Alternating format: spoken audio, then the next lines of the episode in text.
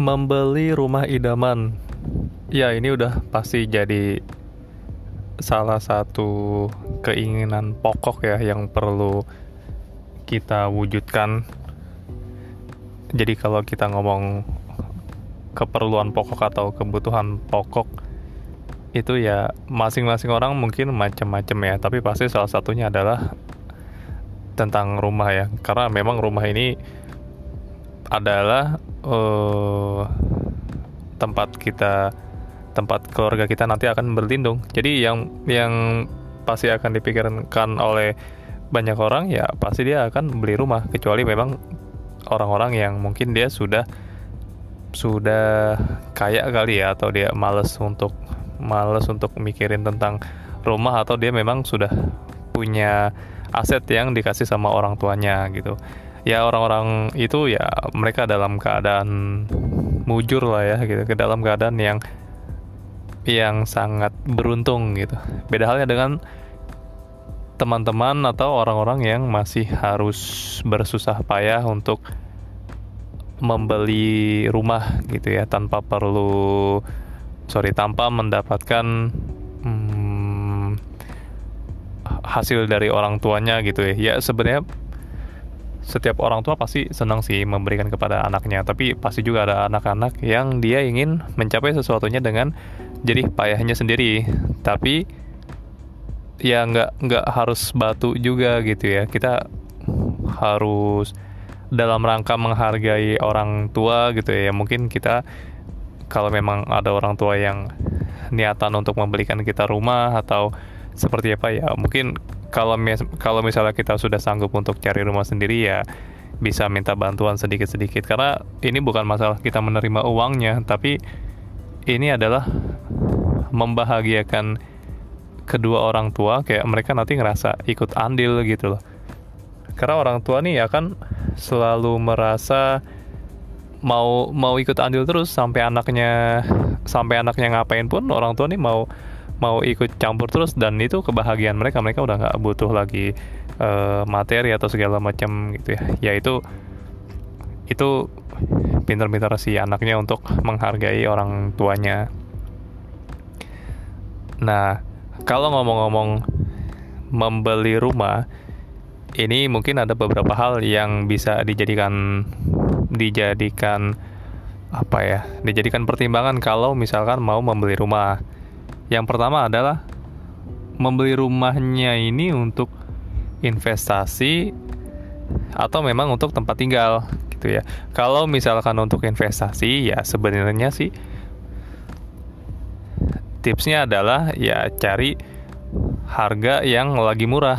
Tapi kira-kira potensinya tuh potensi peningkatan harga rumahnya juga tinggi dan mudah dijual. Ingat, investasinya ini nggak cuman sebatas harganya naik tapi propertinya nih properti ininya juga harus bisa dijual gitu. Percuma kalau misalnya kita beli harga rumah yang murah-murah misalkan 200 juta kemudian harga pasaran di sana tiba-tiba naik jadi 600 juta. Tapi kalau susah dijual ya sama aja bohong gitu. Mending yang naiknya ya standar misalkan 400 juta dan dan dalam berapa tahun gitu ya. tapi gampang banget dijual. Nah, gampang banget dijualnya nih nanti ada faktor-faktor yang membuat rumah itu gampang banget dijual gitu ya. Uh, terus kalau untuk memilih rumah yang untuk dijadikan tempat tinggal, pasti kita harus berpatokan pada tempat kerja kita ya. Biasa bisa dijadikan patokannya itu ya kita mau membeli rumah ini maksimal kita pulang pergi dari rumah ke kantor itu berapa jam? Gitu yang masih sesuai dengan masih sesuai dengan level kesabaran kita selama di jalan. Misalkan kita pengennya kayaknya di jalan sanggupnya cuman 30 menit deh paling lama. Ya udah berarti kita cari perumahan yang sekiranya 30 menit nyampe dari dari lokasi kerja kita. Nah kalau misalkan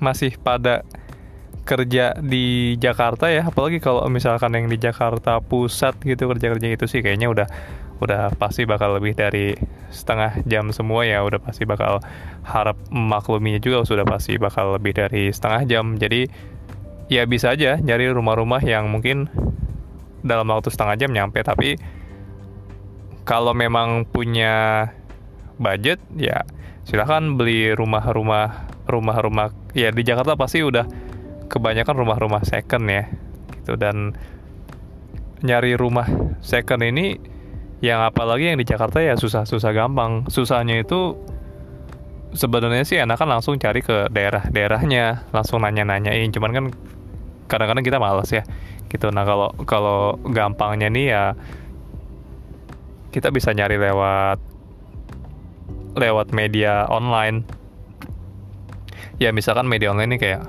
paling banyak itu penjualan uh, listing rumah itu kayak dari OLX atau ya rumah.com rumah 123 itu bisa dijadikan dijadikan apa ya dijadikan sumber lah sumber informasi. Tapi biasanya sih jarang sih kalau rumah-rumah.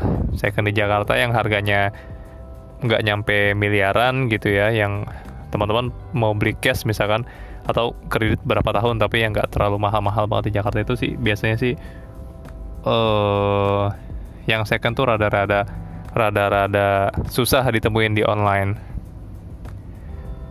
Jadi enakan langsung nyamperin ke ke daerahnya. Misalkan kayak di Jakarta Pusat hmm, mau beli-beli daerah mana ya. Uh, kalau daerah Jakarta Pusat itu mungkin melipir dikit ke barat misalkan ke daerah daerah Kebonjeruk gitu ya. Perumahan-perumahan di sana itu ya ya nyari listingnya di online itu kebanyakan pasti udah harga di atas miliaran semua. Tapi mungkin kalau misalkan datang langsung ke lokasi itu bisa lebih le, dapat yang harga lebih murah dan tergantung mau beli rumahnya yang mau di gang atau mau di mau di jalan mau yang masuk mobil.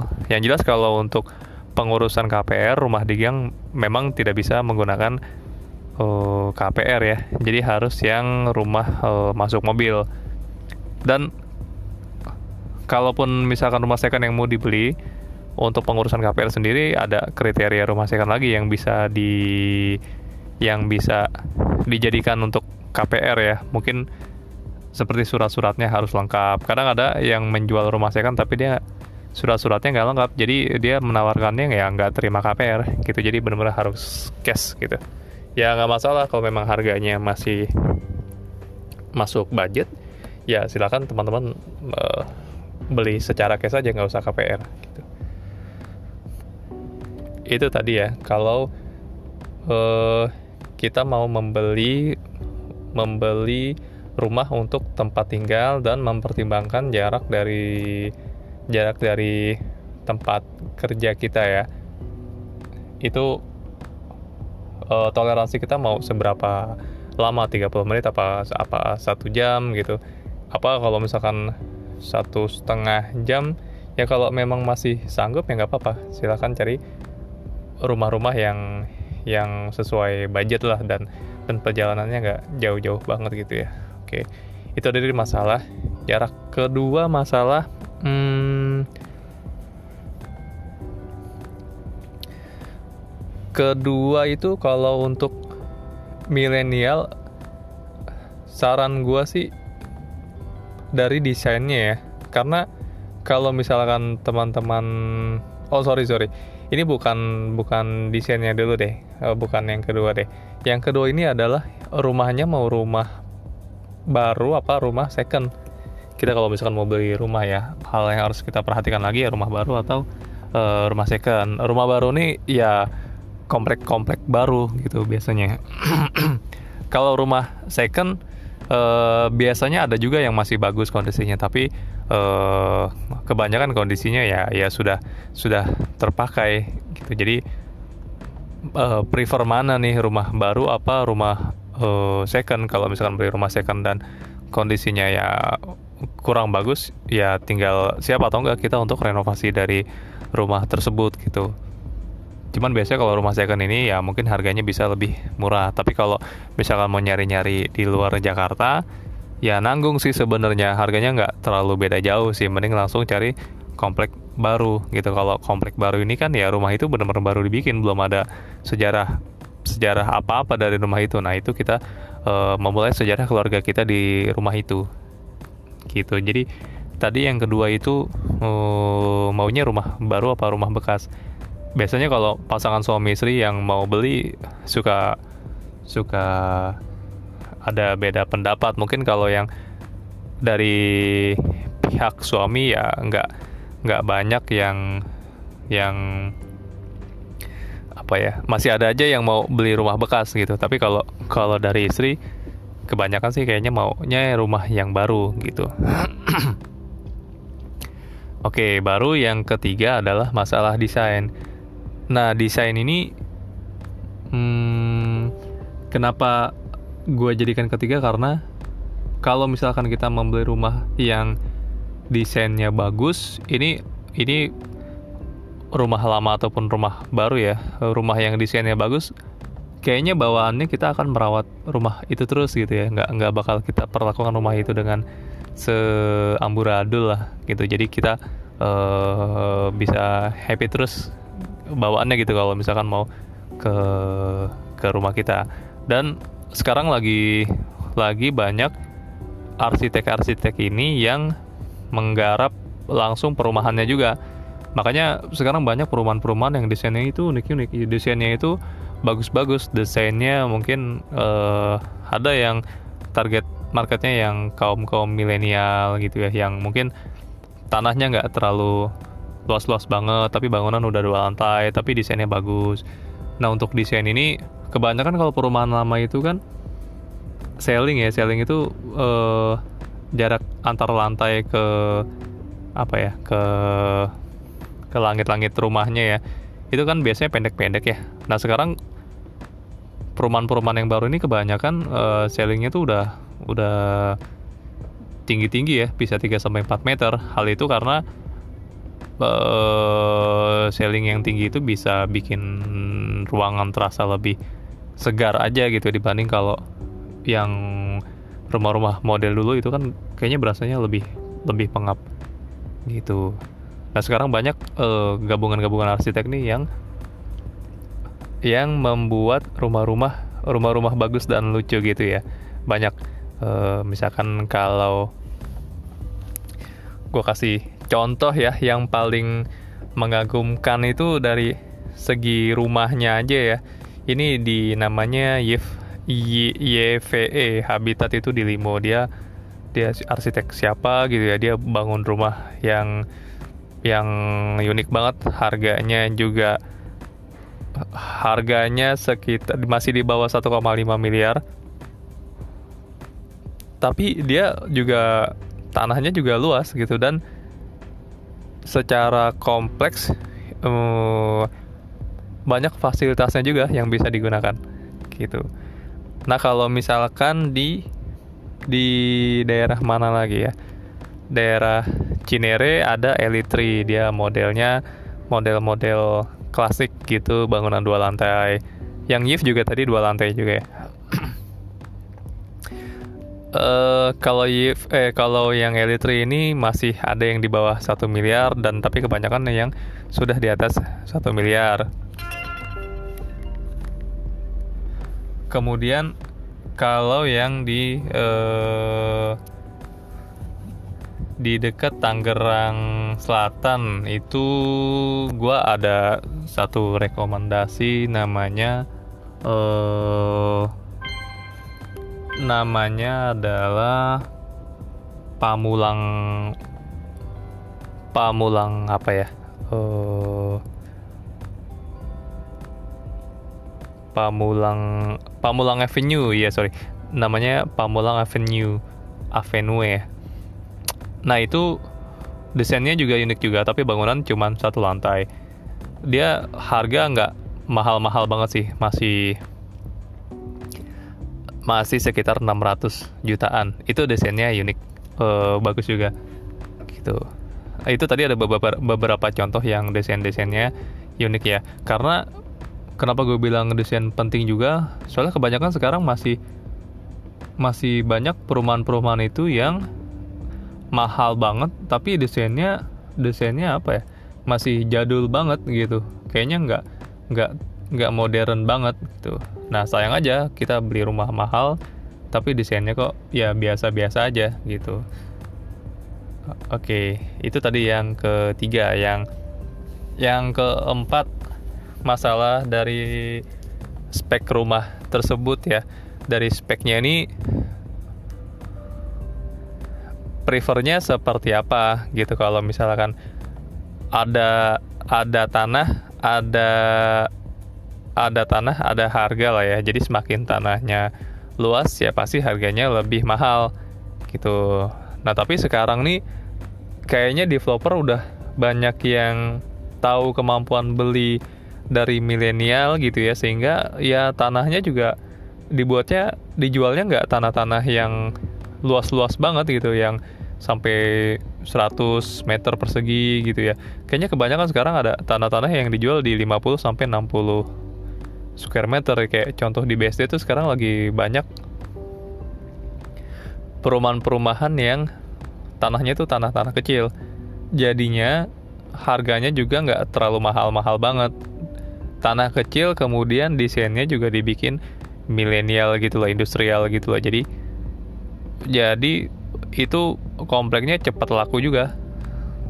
Karena memang sekarang kebanyakan milenial ini maunya rumah-rumah yang yang tadi yang lucu-lucu ya ya nggak terlalu nggak nggak terlalu care banget masalah tanahnya seberapa luas gitu ya bangunannya kayak gimana gitu jadi ada ada ada faktor uh, desain tadi yang mempengaruhi uh, daya beli si kaum kaum milenial ini jadi kalau misalkan kita mau beli rumah tadi yang keempat kita bahas kita perlu pertimbangan speknya. Ya walaupun tanahnya kecil kalau memang jatuhnya per meternya nggak terlalu mahal-mahal banget kemudian sudah dapat dua lantai ya kenapa enggak dan kalau untuk spek ini nanti ada beberapa yang perlu dilihat lagi tadi ya.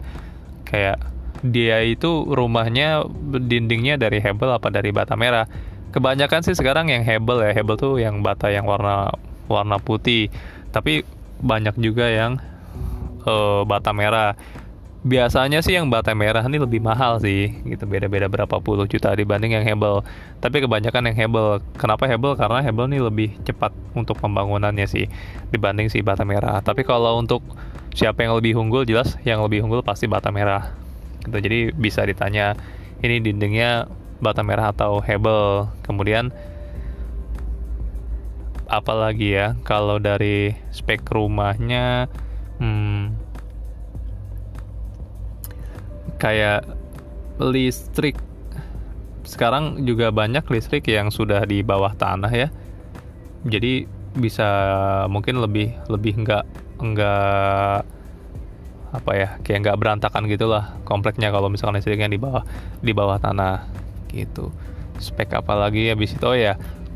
Hmm, mungkin ini juga termasuk dari spek adalah uh, iuran iuran pemeliharaan lingkungannya jangan sampai nanti kita beli rumah tuh IPL-nya tuh tinggi juga gitu. Karena IPL ini kan harga yang bakal kita apa ya kayak biaya abadi gitu lah selama kita tinggal di situ ya kita bayar segitu. Jadi kalau misalkan IPL-nya tinggi sebulan sampai berapa juta gitu sampai sampai satu juta atau berapa juta itu kan lumayan juga. Nah itu harus dicek juga tuh uh, eh, IPL-nya seberapa besar sih gitu. Jangan eh seberapa mahal sih. Ya kalau bisa jangan yang terlalu mahal-mahal banget. Pokoknya jadi jadi dijadikan pertimbangan juga lah. Gitu ya. Itu tadi yang keempat. Kemudian yang kelima ini lumayan penting juga adalah fasilitas komplek. Nah ini kalau untuk teman-teman yang beli rumah bekas pun biasanya juga ada komplek-komplek yang masih masih hidup ya. Fasilitas kompleksnya kayak lapangannya atau tamannya biasanya. Tapi kayaknya kebanyakan rumah-rumah yang second itu fasilitas kompleksnya udah udah pada nggak kepake udah udah rusak mungkin atau ya udah dibangun atau kayak gimana gitu ya tapi kalau misalkan teman-teman beli komplek baru, nah ini harus diperhatikan juga fasilitas kompleknya. Dia ada apa aja sih gitu di di komplek tersebut. Misalkan kalau kita punya anak gitu kan, ya pasti minimal ada ada taman bermainnya lah gitu kan kemudian kalau kita sebagai orang tuanya butuh olahraga ada nggak lapangan untuk olahraganya gitu? Yang jelas uh, beli rumah ini kalau untuk yang beli rumah komplek ini kita tuh nggak cuman beli rumahnya aja gitu. Sebenarnya kita tuh beli rumah sama suasana kompleknya. Jadi jangan jangan cuman melihat rumahnya doang kita harus melihat kompleknya juga. Apakah kompleknya nanti enak juga buat ditinggalin orang-orangnya enak uh, uh, fasilitasnya lengkap gitu itu itu bisa jadi pertimbangan nah yang si Yif ini yang sebelumnya gue bahas yang di Limo itu itu fasilitasnya sih uh, mantep ya ini gue bahas uh, Yif Habitat ini karena menurut gue sejauh gue sering nyari-nyari rumah kayaknya ini komplek yang paling paling apa ya paling modern lah, paling paling bagus menurut gue dengan harga sekitar 1, berapaan m itu ya. Fasilitasnya ada kayak uh, lapangan bola, basket, terus ada kolam renang. Ini gue juga nggak. Akhirnya orang-orang uh, kayak gue gini merekomendasikan atau mereview mereview tentang uh, rumah itu karena pasti kesannya kalau rumah itu komplek-komplek itu uh, bagus banget sih jadi banyak yang review jadi memang kita nggak nggak nggak menjual ya nge-review aja gitu jadi tadi ya kompleksnya itu ada apa aja? Kita beli rumah kita nggak cuma beli rumahnya doang harus kita perhatikan kompleks sekitarnya. Eh di dalam kompleks ini fasilitasnya ada apa aja? Gitu ya. Oke. Terus uh, yang berapa yang keenam ya. Itu adalah eh keenam apa ketujuh ya? Ketujuh ya. Adalah akses dari komplek tersebut.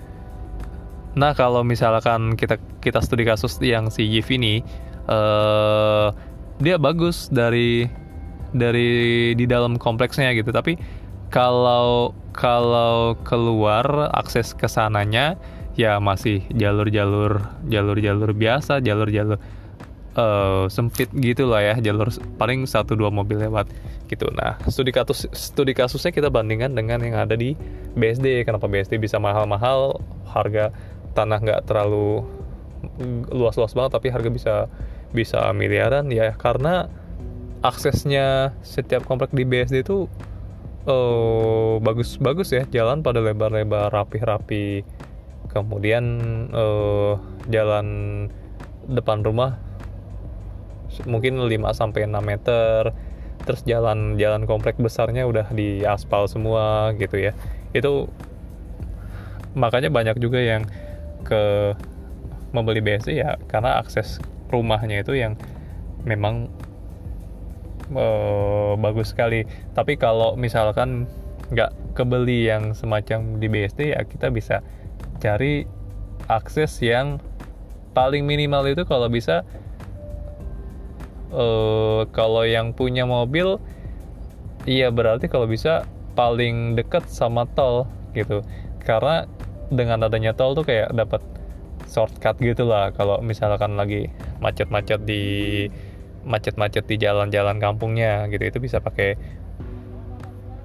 bisa pakai langsung ke jalan tolnya. Tapi kalau misalkan yang uh, mungkin naik kereta gitu ya misalkan yang pulang pergi nggak apa-apa naik kereta atau kantornya dekat naik kereta ya cari rumah-rumah yang deket-deket sama stasiun banyak perumahan-perumahan yang masih murah tuh di di kalau di Depok ya Depok Depok mana ya? Depok Depok lama ya masih pada murah-murah di yang dekat-dekat stasiun gitu. Karena kalau misalkan dari Depok tuh yang ke arah ke UI lagi itu kayaknya udah perumahan-perumahannya udah udah lebih mahal sih gitu. Itu tadi ya. Terus uh, setelah setelah akses apalagi ya. Uh, paling ini sih kondisi uh, keramaian dari sekitar kompleksnya kita itu ya. Itu nanti udah ada Alfa apa belum udah ada Indomaret apa belum gitu ada pasar nggak gitu. Ada ada sekolah rumah sakit atau atau apalagi ya kantor polisi mungkin gitu ya. Ada nggak yang terdekat dari sana gitu? Itu itu jadi uh, jadi pertimbangan juga gitu banyak sekarang komplek-komplek yang bagus nih tapi dia tapi dia lokasinya tuh kayak masih terpencil banget gitu. Nah itu juga jadi pertimbangan ya. Terserah mau mau tetap beli yang rumah yang udah serak tapi sekitarnya tuh kayak masih belum ada apa-apa gitu. Atau cari rumah yang ya mungkin kita menurunkan sedikit uh, standar bagusnya kita gitu ya tapi dapat rumah yang areanya tuh ada macam-macam gitulah. Alfamart, Indomaret atau atau ya tadi sekolah, rumah sakit udah nggak jauh-jauh dari rumah gitu kan. Karena kan mau nggak mau nanti kalau sudah keluarga kita punya anak pasti dia mau sekolah mungkin nggak bakal mau jauh-jauh gitu kan. Kemudian kalau ada kondisi darurat kita ke rumah sakit nggak nggak sampai harus berjam-jam gitu. Nah itu sih. Dan yang yang satu lagi biasanya kalau untuk beli rumah uh, yang dekat dengan fasilitas umum dari dari masyarakat itu kayak masjid atau tempat ibadah atau kuburan gitu ya. Itu itu jadi pertimbangan banget sih. Ada ada gue pernah nyari nyari juga komplek-komplek yang bagus tapi kayak dia uh, masuk ke kompleknya tuh harus lewat jalan kuburan mulu gitu kan. Dan yang harus diingat ya kalau memang untuk tempat tinggal ya anggap aja itu rumah bakal kita tinggalin seumur hidup. Jadi ya lo mau gitu beli rumah dan setiap hari lo harus seumur hidup harus ngelewatin kuburan mulu gitu. Ya kalau orang yang kitanya biasa ya ya mungkin kitanya biasa kali tapi kalau kita punya anak atau punya ada orang tak ada tamu gitu mau ke rumah kayaknya rada-rada gimana gitu. Bukan maksud uh, uh, gimana ya sama sama kuburan atau orang juga yang santai-santai aja. Cuman kalau misalkan secara dari investasi sih ya memang orang-orang pasti bakal mempertimbangkan beli rumah-rumah yang dekat atau akses masuk akses masuknya itu akan akan melewati kuburan gitu ya. Bahkan untuk yang dekat dengan masjid pun eh, kadang ada juga yang malah dia nggak mau mungkin karena takut eh, eh, berisik atau gimana ya. Tapi kalau untuk yang uh, muslim sih ya seharusnya malah lebih enak ya karena tinggal jalan kaki doang aja masuk ke rumah eh masuk ke masjidnya gitu malah nggak nggak nggak jauh-jauh banget gitu. Ada contoh juga eh, komplek nih yang dia bener-bener nempel banget masjid. Ini bagus juga dia desainnya desain model-model Bali gitu. Gue nemu namanya Amanila. Amanila Resident ini se yang yang pernah gue mau beli itu di Sawangan. Dulu kayaknya harganya masih 500 jutaan deh. Nah kalau tadi Pamulang Avenue itu sekitar 600an ya. Si Amanila nih sama lah 500an sekian jadinya 600an lah. Nah kalau Amanila ini dia bener-bener banget nempel sama masjid nih di belakangnya gitu. Jadi uh, iya masih laku keras juga gitu karena selain dekat sama masjid dia ini dekat juga sama jalan utama dari jalan besar ya jalan besar mungkin jalan besar provinsi atau jalan besar kota gitu. Jadi dari jalan besar itu masuk gang sedikit itu udah nyampe komplek itu. Itu nggak nyampe cuman nggak nyampe satu dua menit lah. Jadi kayak posisi rumah tuh kayak bener-bener pinggir di pinggir jalan besar banget gitu. Nah selanjutnya adalah uh, posisi posisi komplek ya. Uh, kalau kalau sudah punya keluarga pasti kayaknya bakal lebih prefer hmm, komplek-komplek yang lebih lebih di dalam sedikit deh dibanding yang benar-benar pinggir jalan besar banget gitu ya. Apalagi kalau dapat rumah yang benar-benar pinggir jalan umum banget. Itu kayaknya ngeri-ngeri banget gitu karena kan kita punya nanti bakal punya anak gitu. Jadi masa pagar harus kita tutup mulu gitu kan biar anak nggak nggak kena mobil gitu atau kena kendaraan. Kayak gitu jadi cari perumahan-perumahan atau uh, posisi rumahnya tuh yang yang lebih ke dalam dikit. Misalkan kompleknya ada di pinggir jalan ya cari rumahnya jangan banget yang di, di, di pinggir jalan umumnya banget. Mungkin ada kedalaman banget gitu lah. Jadi biar biar anak nih uh, atau kita juga nyaman gak terlalu berisik banget. Gitu. Dan yang terakhir masalah uh, banjir ya masing-masing orang masalah banjir nih sih kayaknya bisa dijadikan paling pertama atau yang paling terakhir juga ya. Eh yang jelas sih banjir ya pasti sih kita harus cari daerah-daerahnya tuh yang yang kalau bisa tuh nggak nggak kena banjir gitu. Dan daerah yang nggak kena banjir ini ya daerah yang tinggi.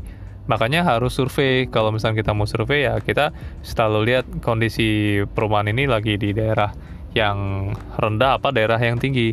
Jangan salah daerah-daerah rumah-rumah yang berada posisinya di daerah rendah itu juga uh, harganya kadang ada yang lebih mahal dibanding yang di daerah tinggi. Tergantung pinter-pinteran kitanya aja nyari rumahnya ini hmm, nyari rumahnya ini di mana gitu.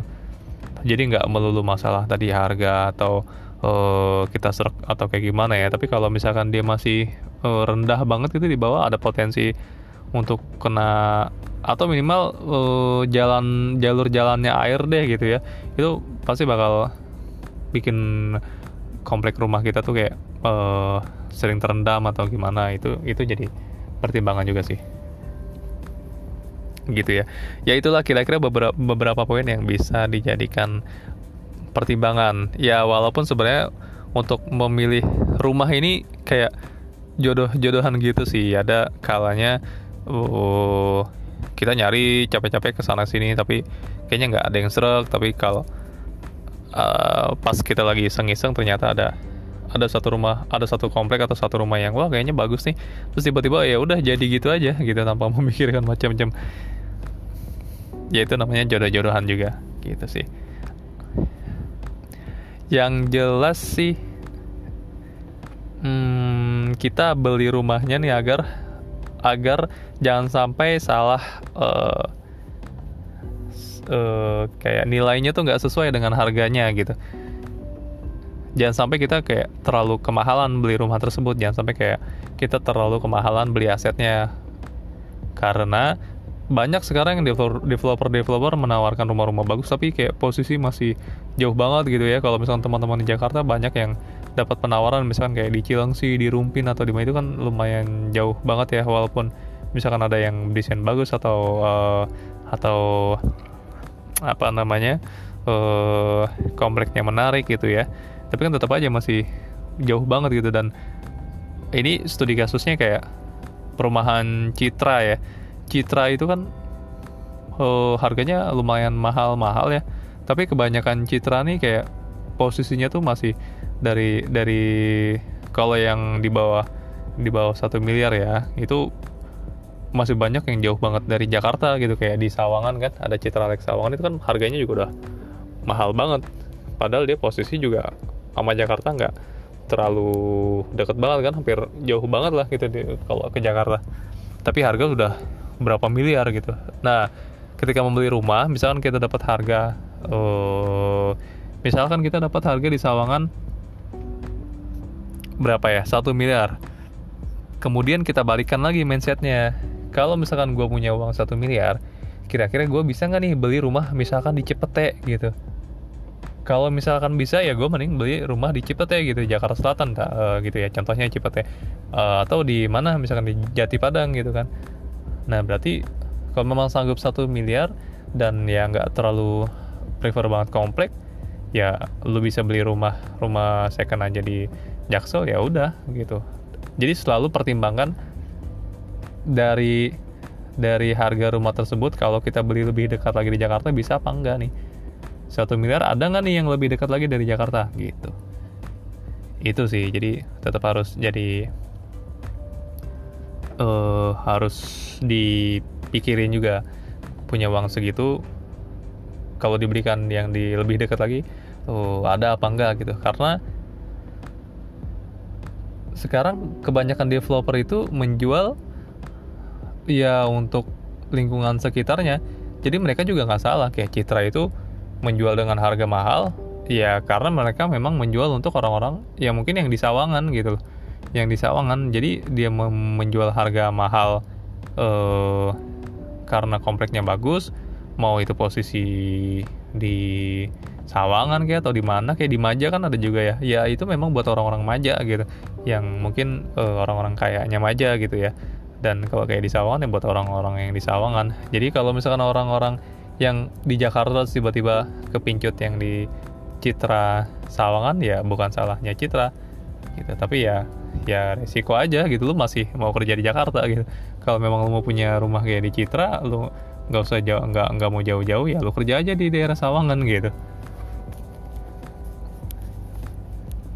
terus ada lagi contoh uh, rumah yang menurut gue desainnya unik. Ini karyanya Andra Andrea Martin. Dia uh, arsitektur ternama arsitek ternama juga lah gitu ya. Dia ada buka komplek di namanya Samania Hills ya di Parung Panjang. Itu juga bagus juga tuh tapi dia jauh sih. Oke okay. uh, seperti itu aja kira-kira tips uh, untuk membeli rumah milenial rumah yang cocok untuk milenial dan nggak jauh-jauh banget dari Jakarta ya. Oke deh uh, kurang lebihnya mohon maaf assalamualaikum warahmatullahi wabarakatuh